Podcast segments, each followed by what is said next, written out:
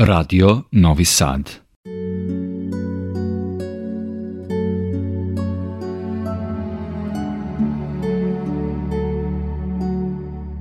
Dobroveče, poštovani slušalci.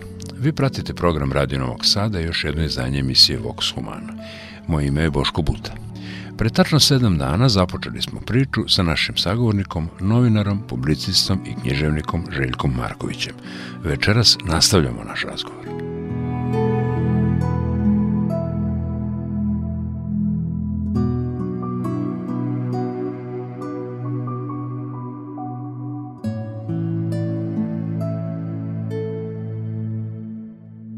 sećam se kao klinac i to dosta dobro definiše taj moj odnos prema tom takozvanom novinarstvu ili već kako da to nazovem. Ja sam davno, davno, još kao učenik osnovne škole sarađivao s nekim novinama. Dobio sam jednu značajnu nagradu još kao učenik trećeg razreda osnovne škole na jugoslovenskom konkursu za neku reportažu koju sam napisao. Ali u nekoj fazi, ajde da kažemo, nekog srednjoškolskog dokazivanja – Ja sam znao da biciklom odnesem svoj tekst iz Vrnika preko Jaska, preko Male Remete, Bešenovačkog prnjavora, Bešenova, Radinaca i do Mitrovice i da predam u uredništvu u Sremskim novinama i da se vratim istim tim putem. Sve zajedno to ima jedno 30-40 km, da. tamo nazad možda i više. Nekad usput na Mutalju, a Mutalj je bila plantaža bresaka, znao sam da uranac Aha. naberem bresak i donesem novinarima u redakciju. To sam radio u nekoj prvoj, drugoj godini srednje škole. Bio sam njihov dopisnik tada, jel? I uvek sam imao potajnu želju da neko od novinara u meni nešto napiše. Međutim, nikada, interesantno, nikada niko od tih novinara u sremskim novinama nije napisao ništa o meni. Mada je to bio fenomen svoje svojevremeno da jedan mali klinac tako ide da tih 30-40 km da bi im doneo taj tekst yes. koje oni na kraju i objave uvek sam, kažem, imao želju da me usput ili bilo kad neko zaustavi da o meni nešto napiše. Dakle, ta potreba je, eto, neka pubertetska potreba koja je u meni živela i ostala je neostvarena. Ja sam tu potrebu kasnije nadomestio svojom novinarskom reporterskom strategijom u rubrici Upotreba života koji sam radio e, u da, nedeljnom dnevniku da. čitavih deset godina. To je maratonska edicija. To je maratonska jedna rubrika, jedna, jedna kolekcija od nekoliko stotina novinskih priča. Dakle, moja strategija reporterska sastojala se u sledećem. Ja sam smislio od samog početka, od prve reportaže, dakle od 4. aprila 2004. godine kada je prva reportaža izašla, smislio sam jedan projekat koji sam zadržao u sebi. Dakle, on je prihvaćen u dnevniku, prihvatio ga je tadašnji urednik Miroslav Stajić i, da. i hvala mu na tome.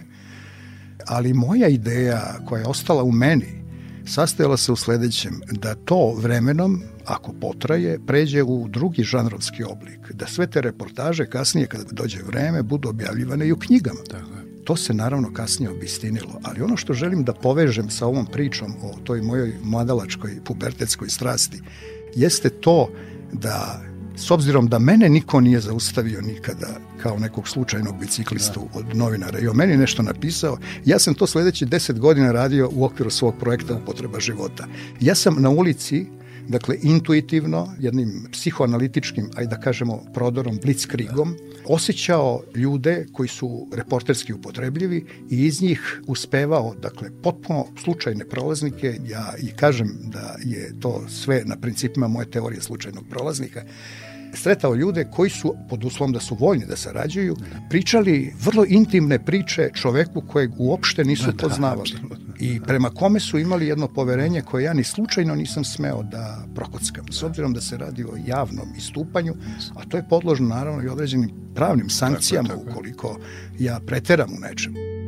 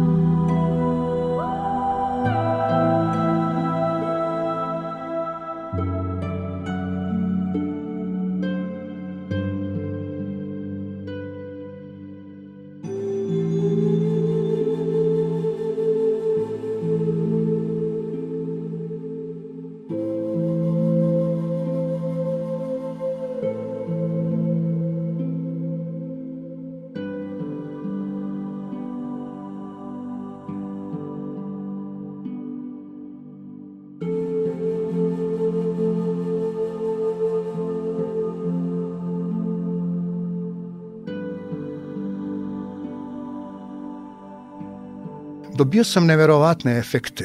Ljudi su se toliko otvarali da je to bilo zaprepašćujuće. Imao sam jako mnogo čitalaca te rubrike.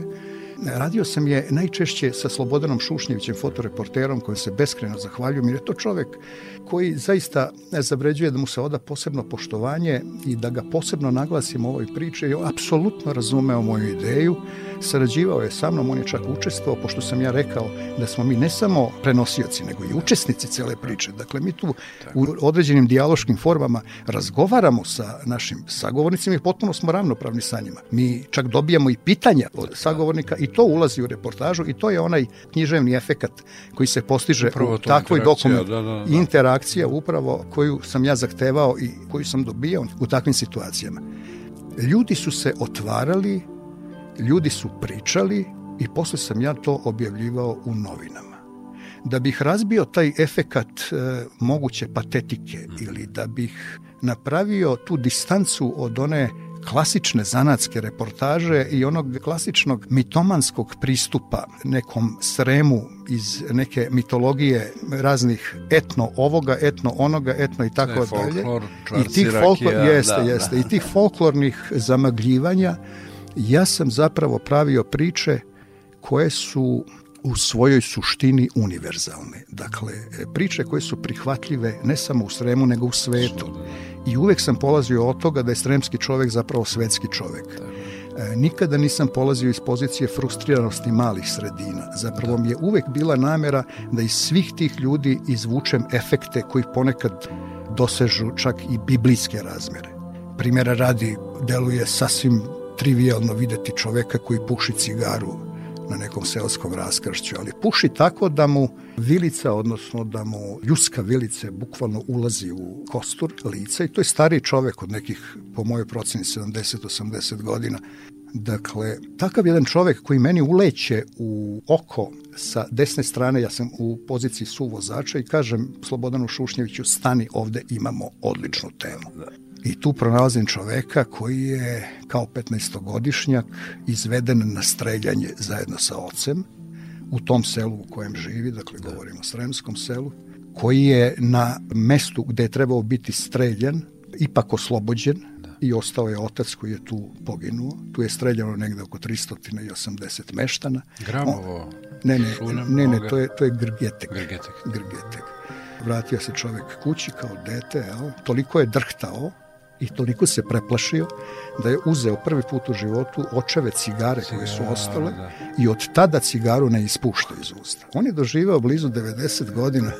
Pošto ja te moje sagovornike ne napuštam ni 7, 8, 10 godina posle ukidanja da. te rubrike, ja sam nezavisno od moje redakcije, dakle sam, o svom trošku i svojim kolima ili već kako, obilazio sve te lokacije da. i sve te ljude sa kojima sam razgovarao i 10-15 godina kasnije i dobio sam strahovito dobre efekte. Pitao sam i raspitivao se šta je sa njima, pa sam između ostalog posle nekih desetak, 15 godina došao i u to mesto i raspitao se šta je sa čovekom Divno.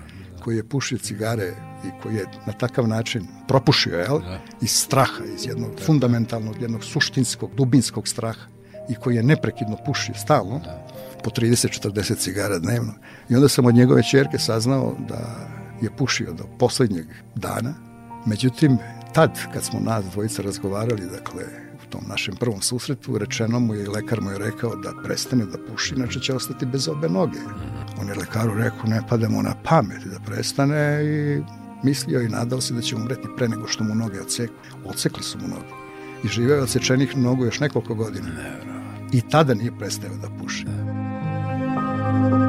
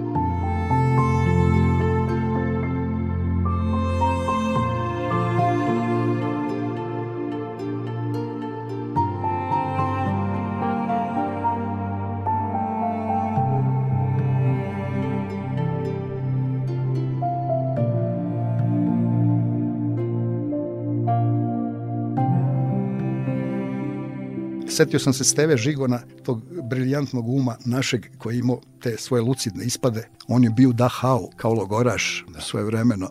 Ja sam isto bio u Dachau i pisao sam reportaže na godišnjici Godišnjic. oslobađanja da. logora. I sećam se jedne njegove izjave u kojoj je Steva Žigon rekao kada mu je lekarka rekla da prestane da puši. Mm. On je rekao, dete moja, pa ti ne znaš šta znači cigara. Ti ne znaš šta znači opušak.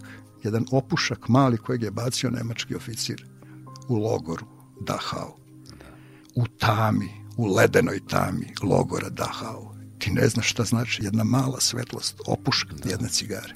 To je jedna da. od tih priča. Da, da, eto. I, I kao simbol, i kao metafora, i kao autentično leposlovanost. Meni je Nikolaj Velimirović u glavi, za koga je bilo pitanje da ćemo li ga kanonizovati za svetitelj ili ne, pošto je pa pušio. Pa evo, ali propušio je yes. u konclogoru yes, od gladi. Pa evo kad smo, kad smo kod njega, sad mi pade na pamet, on je pisao Njegoš da. vremenu, jako jedna lepa knjižica, onako vrlo mudro napisana. Pokušao je da istraži razliku između Njegoša i Doste Obradovića. I mhm. između ostalog je rekao sledeće, odnosno došao do sledećeg zaključka. Dositej Obradović je znao kao učen čovek, da sa fantastičnom preciznošću opiše izgled manastira. Da. Jako je to dobro radio, dosta je obradio za svoje doba. Ali Njegoš je ulazio u dubinu tog manastira. Da, da. On je ulazio u dubinu, dakle, opisivao ga je, ali ulazio je u dubinu, u srž samog manastira. To je razlika između Dositeja i Njegoša. Razlika između umetničke i zanatske reportaže jeste u tome Upravo što je zanatska reportaža što emocionalno ravna. Tako. Zanatsku reportažu može da napiše svako ko je završio recimo fakultet političkih nauka i da, novinarstva da, da. i svako ko je učen i svako ko zna da piše. I to ne treba pocenjivati. Jako je da. teško napisati kvalitetnu zanatsku reportažu. Umetnička reportaža je nešto sasvim drugo. Dakle, umetnička reportaža u sebi sadrži tu dubinu koju malo prepominjem. Tako je taj e, amalgam e, univerzalnosti koji je teško definisati precizno, izvesti da, da. iz same priče, ali koji se osjeća i koji se vidi. Drugim rečima, umetnička reportaža je napisana za večnost, ona će ostati trajna, takva kakva je. Zanatska reportaža je reportaža za, ajde da kažemo, jednokratnu upotrebu. Tako je. Ona nema tu vrstu dubine koja je neophodna da pređe u skoro književni žanr a da ne izgubi svoju dokumentarnost. Dakle, u pitanju je samo emocionalni pristup, Upravo u pitanju tako, je da, da, jedan pristup koji prelazi u domen više dimenzije i ja kažem, mene je uvek zanimala ta reportaža i oslobađanje višeg stadijuma reportaže iz same novinske priče, ukoliko je to moguće. I tu, kad sam postizao te efekte, tu sam se osjećao najzadovoljniji izuzetno mi je drago da ta vrsta tvoje privrženosti, tvojih afiniteta i na kraju stvaralačih aporija, kao što je recimo umetnička reportaža, te ne napušta ni kada pišeš roman, recimo, koji znamo jel, kanone kako se roman piše, bez obzira koje vrste da je.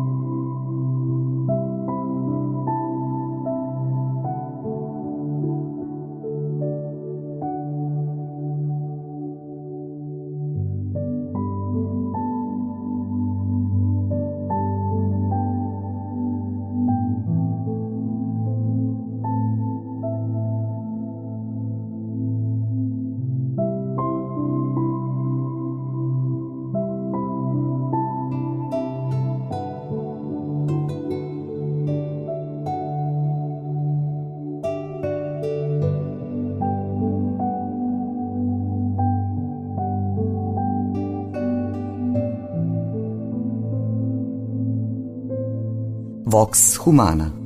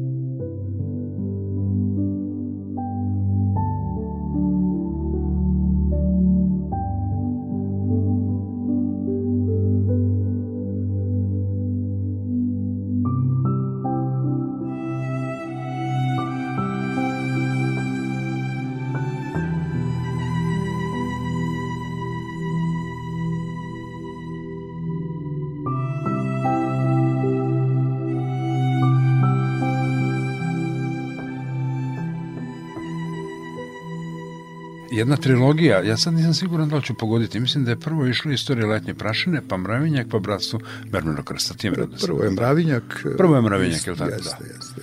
To je trilogija koja se završava bratstvom Mermenog krsta, opet imamo dokumentarizam, imamo onu kugu iz 719. Tačno, tačno, tačno. Ti ćeš nam više reći o tome.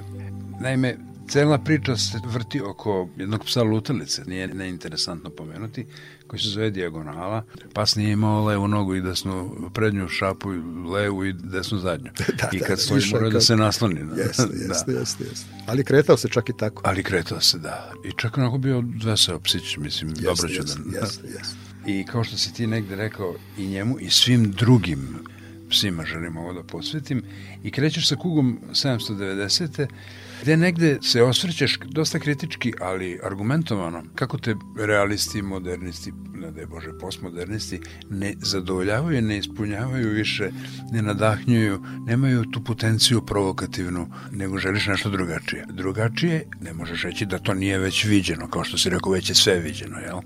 Ali da se ne vraćamo sa onim prefiksima neo ovo, neo ono. Kad smo došli u jedno stanje beskrvnosti i beznadežnosti, gde kopne naša imaginacija, pa sad kao vrtimo nešto, prevraćamo eklekticizam neki prema.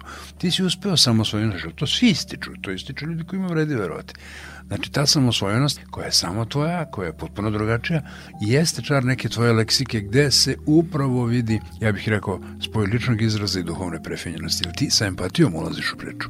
A sad nam nešto priča o dijagonali, o tom Kiriću. Ja sam samo čuo, znam za onu vezu Raška i Karlovci i volim kad pročitam Novosadsko Karlovački književnik. To mi je onako baš drago. Jeste, ti ja si jedno vreme živeo. Ja sam, da. ja sam u Karlovcima živeo bezmalo 20 godina. Da. Dakle, bio sam čak i urednik lista Karlovačke novine. Mi smo ih napravili Branko Stamenović, ja i jedna ekipa, ja sam neki dve godine bio glavni odgovorni urednik tog lista, od nekog biltena Karlovačkog smo napravili ozbiljne novine koje smo slali Karlovačkoj dijaspori gore u Ameriku i tako dalje i tako dalje. Dakle, dosta sam prisutan u svemu tome i ta trilogija zapravo vezana je za Karlovce na neki način, mada ja pomenjam stari grad, da. ali e, onaj krst u, centru koji se neprekidno kao light motiv Jeste. pominje u sve tri knjige, zapravo moglo je biti česma četiri lava.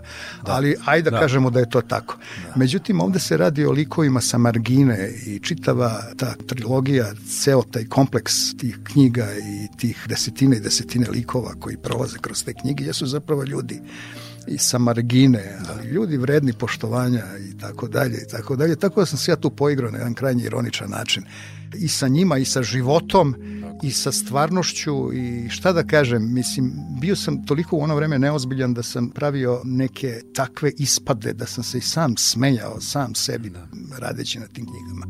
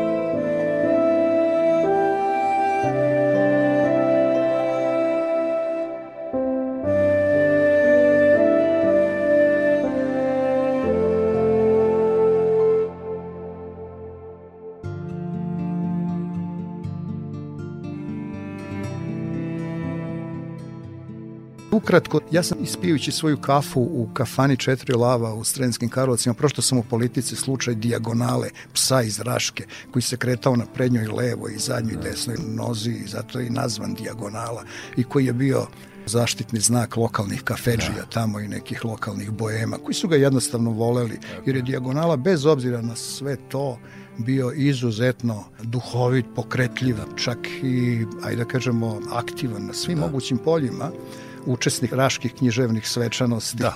E, Sam e, ja da, i napisao da. između ostalog da možda nije ispao iz knjige jednog našeg poznatog pisa. Međutim, ne, on je takav nastao, odnosno takvog su ga stvorili u lovovima na selu Utalice. Zamislite, gađali su ga i on je nažalost nastradao tako Naravno. kako je nastradao.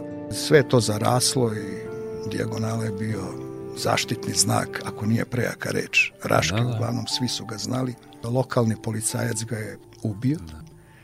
i sada se taj svesni, odnosno taj plemeniti deo Raške pobunio. Posebno da. te kafeđije, vlasnici da. kafana da. koji su ga hranili, koji su ga voleli, koji su čak mislili da potegnu i tužbu protiv tog policajca. Da Naravno, od svega toga nije bilo ništa. Međutim, taj tekst Miroljuba Dugalića, dopisnika da. politike iz Kraljeva je dopro do mene. Moja knjiga Bratstvo Mermernog krsta u kojoj su svi likovi takvi.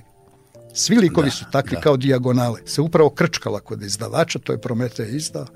I ja sam odlučio, s obzirom da sam veliki, veliki zaštitnik i ljubitelj životinja, posebno pasa, mačaka i tako dalje, ja sam odlučio da knjigu posvetim dijagonali i kerovima lutalicama, ne psima, nego kerovima da, da, da, lutalicama.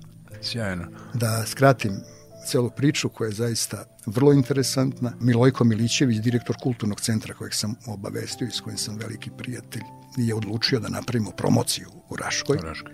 Pošto sam ja imao određenog uticaja u tadašnjoj opštini, ja sam pozvao predsednika opštine, pozvao sam sve ljude iz kulturnog života Šaca Matić, Aleksandar Matić, poznati dramski umetnik. Da.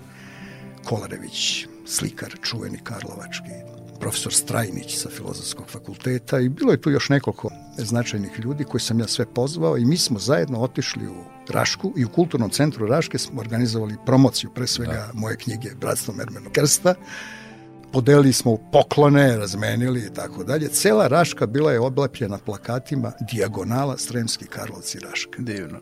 Svi smo bili tu, da. samo nije, nije bio onaj koji je došao glave psu dijagonali i nije bilo naravno, dijagonale. Ali cela Raška bila je oblepljena tim plakatima, ja ih i dan danas čuvam. Mi smo posle toga nastavili saradnju, ta saradnja traje i dan danas između Raške i Sremskih Karlovaca. Organizovali smo nekoliko izložbi Organizovali smo promociju moje knjige Spasavanje mačora Žileta. O da. Mačor Žile je realni lik, mislim, to je tvoj mačor. Da, Jeste, da. to je moj mačor kojeg smo žena i ja usvojili u jednoj potpuno beznadežnoj situaciji. On je ušao pod haubu nečijeg auta da. u centru grada.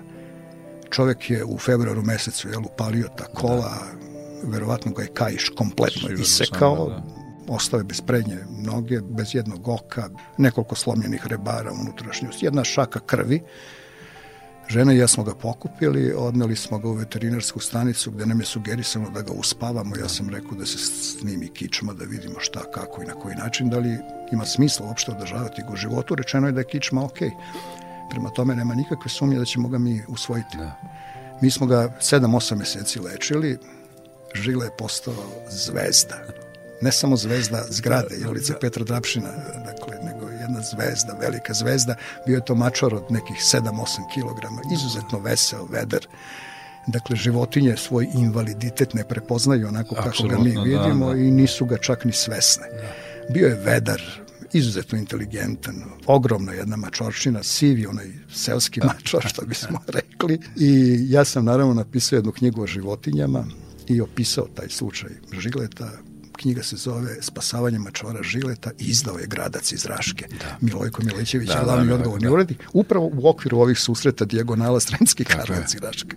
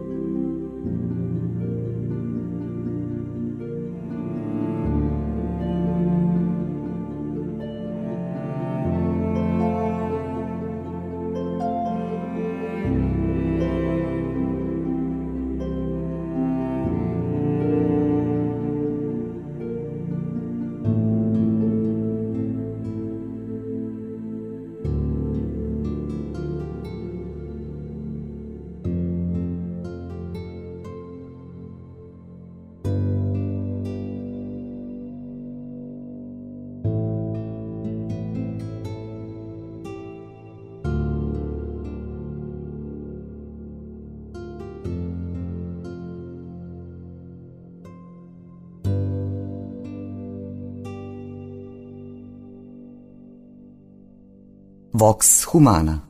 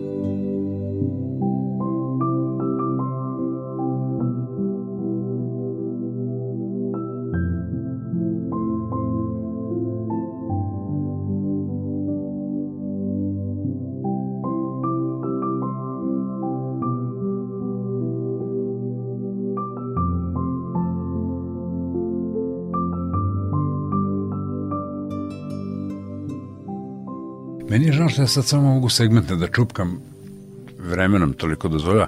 Kaže nam par reči o milenijumskoj kuli zapravo i ona nosi podnaslov Slučajni susreti ispod milenijumske kule i druge novinske priče iz Zemuna. Ništa posebno nema i ništa drugačije od onoga što smo već da, od da, konteksta da, u kojem smo da, prišli. Da, dakle, da. to su samo priče koje sam ja radio u okviru mog projekta Upotreba života. Sticajem okolnosti, ja sam te priče grupisao u jednu tematsku celinu koja se tiče Zemuna i okoline Zemuna. Jasne, I tu je da. bio Slobodan Šušnjev i dosta sa mnom. Da. I zahvaljujući poznanstvu sa jednom gospođom iz e, Zemuna, ja sam tu knjigu izdao, a pošto izuzetno držim do Branka Najholda, jednog poznatog zemunskog publiciste mhm. književnika i do njegovog rada u Zemunu, odlučio sam da tu knjigu posvetim njemu i ta knjiga je posvećena Branku Najholdu.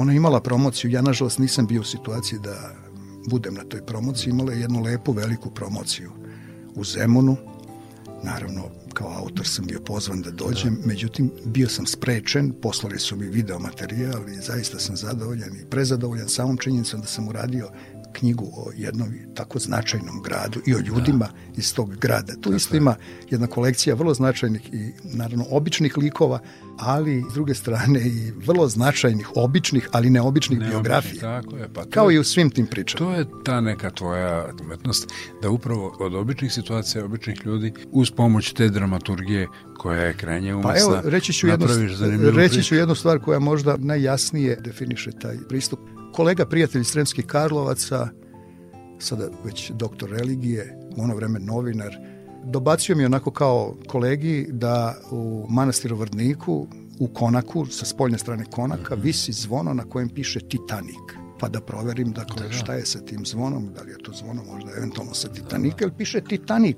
monahinje u tom ženskom manastiru na tom malom zvonu zvone kad je služba ili kad je ručak i tako dalje, tako dalje. Uglavnom ono stoji okačeno na spoljnom zidu manastirskog konaka. Meni je bilo jasno da to nije zvono sa Titanika, bez obzira što nisam da. otišao i nisam tome pristupio u startu kao zvonu sa Titanika. Odmah sam pokazao svoju sumnju, naravno, što je posledica iskustva i znam da u današnjem svetu ne prolaze senzacije.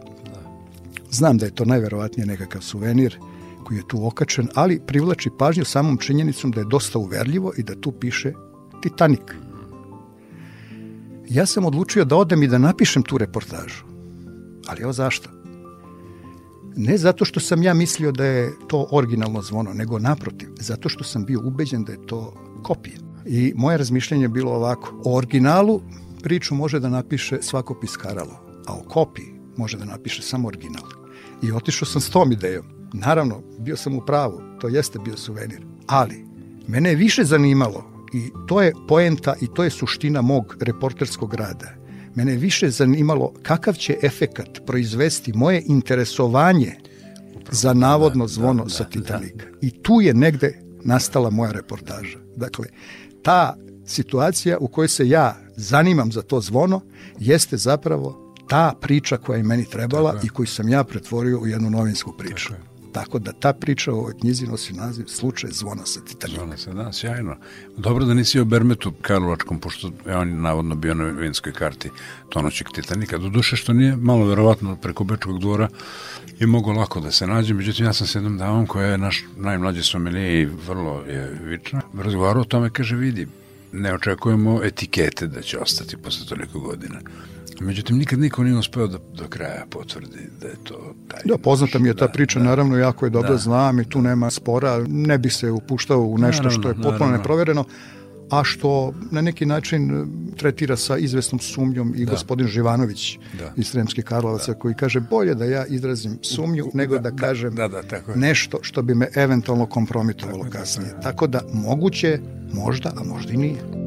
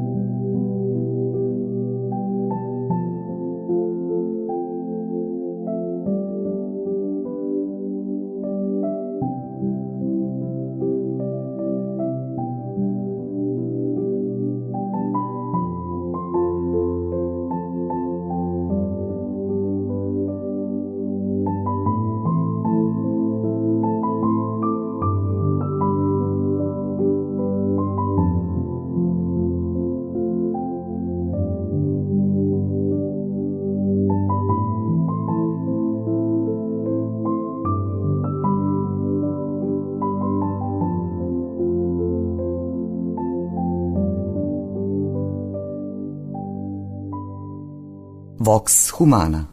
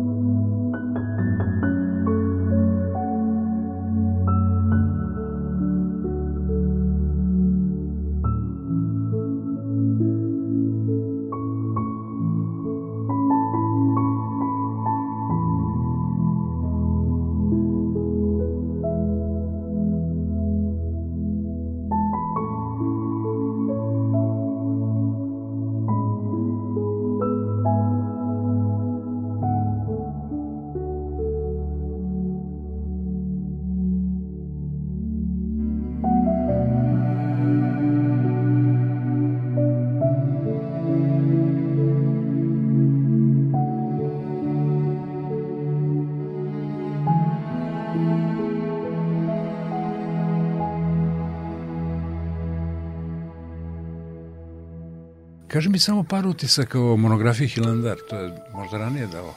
Da, to je Prometej izdao, to je prva moja knjiga, to je 1995. Pet. godina.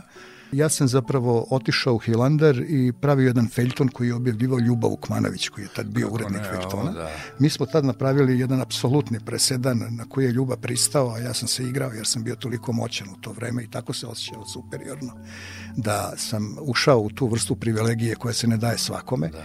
Ljubav Vukmanović je izuzetno bio oprezan kad je objavljivao te filtone. Međutim, prema meni je napravio presedan. Ja sam otišao u Hilandar, proveo sam izvesno vreme tamo i odlučio da napravim reportažu, ali ne iz iz ugla onih visokoparnih priča, nego iz Jasno. ugla jednog, ajde da kažemo, reportera koji svoju knjigu počinje vožnjom taksijem kroz Solun na temperaturi od plus 40 stepeni sa poluludim taksistom koji je odlučio da mi pokaže Solun i koji me besomučno vozi kroz Solun u kolima otvorenih stakala i tako dalje i priča na nekom polusrpskom, pologrčkom. Uglavnom, Naravno, mislim pozitivno o njemu, radi se o čoveku koji, kad kažem i kad upotrebljam tu formulaciju, Naravno. mislim na jedan simpatičan način, jer je čovek bio simpatičan i koji mi je kao kec na desetku ušao u čelo prvog poglavlja te knjige. Dakle, ja sam tako to napisao. Kad sam se vratio sa Hilandara, Ljuba Bukmanović je naravno bio oduševljen e, sa ovom činjenicom da sam bio, ja sam bio čak i sa dnevnicama dnevnika tamo, mene dnevnik tamo poslao u Grčku, dakle nisam išao privatno i bio sam obavezan da uradim, ali ne na takav način. Ja sam pristao da sa Ljubom odigram jednu igru, da prve tri reportaže napišem i da on to iz dana u dan objavi. Uh mhm. -huh. I on je krenuo sa te prve. A dok da. idu te tri, da ja nastavim dalje da pišem. To je jako teško zato što treba izdržati mesec dana iz dana u dan pisati, a pritom još biti na desetom spratu dnevnika i povremeno piti malo i da. vinjake sa kolegama. Dakle, nije to tako jednostavno kako izgleda. Međutim, ja sam naravno, kažem, osjećao u sebi tu potenciju i tu snagu da to mogu da uradim i mi smo ušli u tu igru. Ljuba je objavio prva tri nastavka koje su jako dobra prošla i ja sam iz dana u dan pisao i donosio mu negde oko 1-2 sata posle podne, da. sledeći nastavak, sledeći i tako je išlo 30 nastavaka.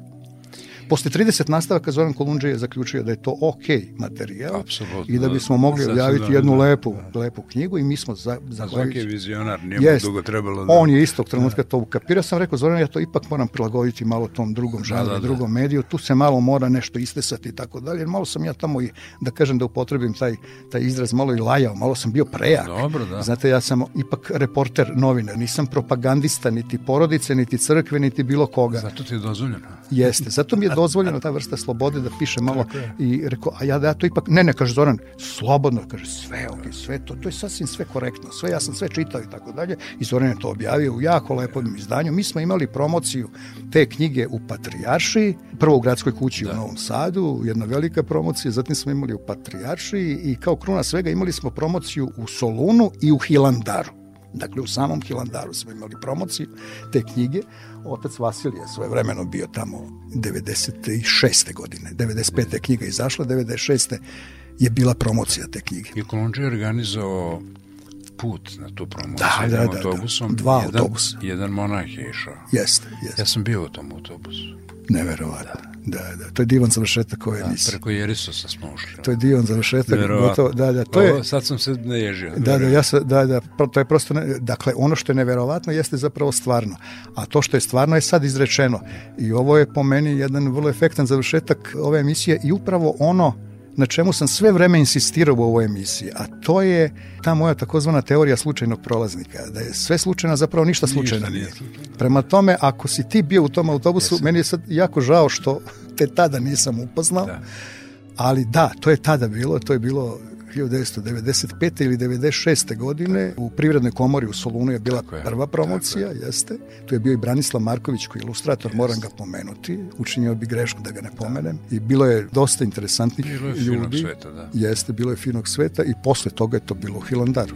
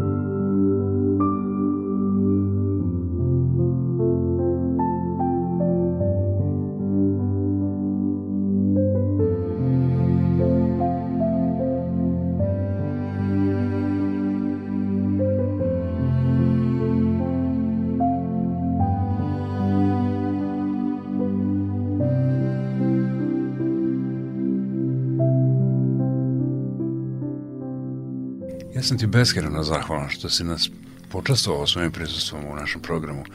Mi bi mogli ovako satima pričati. Siguran sam da ovde nije tačka, da ćemo pre ili kasnije bez povoda, nama povod ne treba. Ti si dovoljno povoda napravio za sto narednih emisija, ne sa mnom, nego ne znam s kim sve. Ima šta da kažeš, lepo te slušati tvoje štivo je pitko, pisano prozračnom razumljivom leksikom. I kada ulaziš u velike istine, ti ulaziš u njih multifokalno, ulaziš sa više strana, proveravaš ih. Ne držiš se rigidnih nekih paradigmi koje su tako ustanovljene, nego je sve podložno sumnji, jer to je novinar u tebi koji mora da proveri na sve načine. I to je ono što mene, recimo, posebno... Pa ništa, ako dozvoliš, hvala ti na ovome i hvala ti na svim ovim lepim rečima koji si večeras, odnosno noćas izgovorio jer e, si bio apsolutno tačan, apsolutno precizan i meni je bilo milina slušati te, jer je e, činjenica da razgovaram sa čovekom koji apsolutno razume ono što pišem, A teško je to i razumeti. Mnogi ljudi misle da to je recimo obična reportaža. Ne, to nije obična reportaža, to je nešto drugo, to je neki viši stadion reportaže koji ja forsiram. Pa da završim tu priču o tim knjigama, o tom Sremu ili kontinentu Sremu, kako sam ga ja da. nazvao, jedna odrednica koja se dosta dobro primila u javnosti. Šta je zapravo to novinarstvo? To je novinarstvo, ako je to novinarstvo, u kojem autor učestvuje u samoj priči. Napisao sam čuvenu priču o čoveku koji je prepitomio lastu i surduka, to je moje apsolutno otkriće. Ja to nisam ni rekao, mnoge Nije tvoje bitno, priče su ali, poslužile kao predložnice je, za brojne dokumentarne Jeste, filmove, da, priloge da. televizijske i ostalo. I zašto to pominjem? Pa evo, sin čoveka Boška Dugačkog, o kojem sam ja napravio da, da. tu reportažu, me u jednom trenutku pozvao telefonom i rekao Željko, moj otac umire i njegova poslednja želja je da se oprosti sa vama. Ja sam istog trenutka, naravno, sa ženom seo u kola i došao u surdu. Čovek je ležao na samrti, njegov pas Džeki kojeg sam ja objavio na naslovnoj strani moje knjige čovjek koji je prebitomio lastu je ležao pored njegovog kreveta da. kaže mi njegov sin kaže ne jede otkad je ovaj, na samrti pas ne jede uopšte samo leži pas me prepoznao i tom trenutku je repom mahnuo sve što je mogo da kaže hvala kada je umro posle nekoliko dana ima pet sinova oni su me pozvali na sahranu da. ja sam nazvao Slobodana Šušnjevića koji je bio sa mnom kad smo ga prvi put Da, da, to znamo Slob, Poznali, Slobodan mi je rekao. Da, Jeste. Da, da. I nas dvojica smo otišli na tu sahranu. Ja sam držao govor na sahrani svog da, junaka, tako je. odnosno Boška Dugačkog, pred njegovih pet sinova i pred celim selom. Da sad ne padam u neku vrstu patetike koja će me raznežiti, ali moram biti sasvim koncizan i jasan. Meni veća nagrada od toga ne treba. Naravno. A doživeo sam ne samo to, nego doživeo sam mnogo puta da me ljudi pozivaju i nikada od nekoliko stotina reportaža koje sam objavio nikada nisam doživeo ni jedno jedino loše iskustvo sa ljudima da. bez obzira što su se prema meni otvarali na neke čudne gotovo neverovatne načine i što su prema meni imali neku vrstu poverenja koja i mene samog dovodila u neka čudna stanja da. preispitivanja kako je moguće da se tako otvaraju Upravo, da, da. i često su me, pre nego što ću objaviti priču, budila u toku noći, dakle u znoju, da nisam možda malo preterao, jer sam uvek nastojao da, što kažu, oslobodim priču tog nekog potencijalnog efekta patetike i opštih mesta i da ostanem autentičan onako kako sam mislio da da ostane. Pa uspeo si definitivno. Budući da radiš ono što voliš i voliš ono što radiš, pritom ne mislim samo na novinarstvo, ali neraskidivo je vezano, uspeo si i da sve osvedočiš ono da od tvog izbora, jel to su naši izbori, nije važan ni prepun stomak, ni prepun džep, nego puno srce, a mislim da ti ga imaš. Zato još jednom ti hvala. Hvala tebi.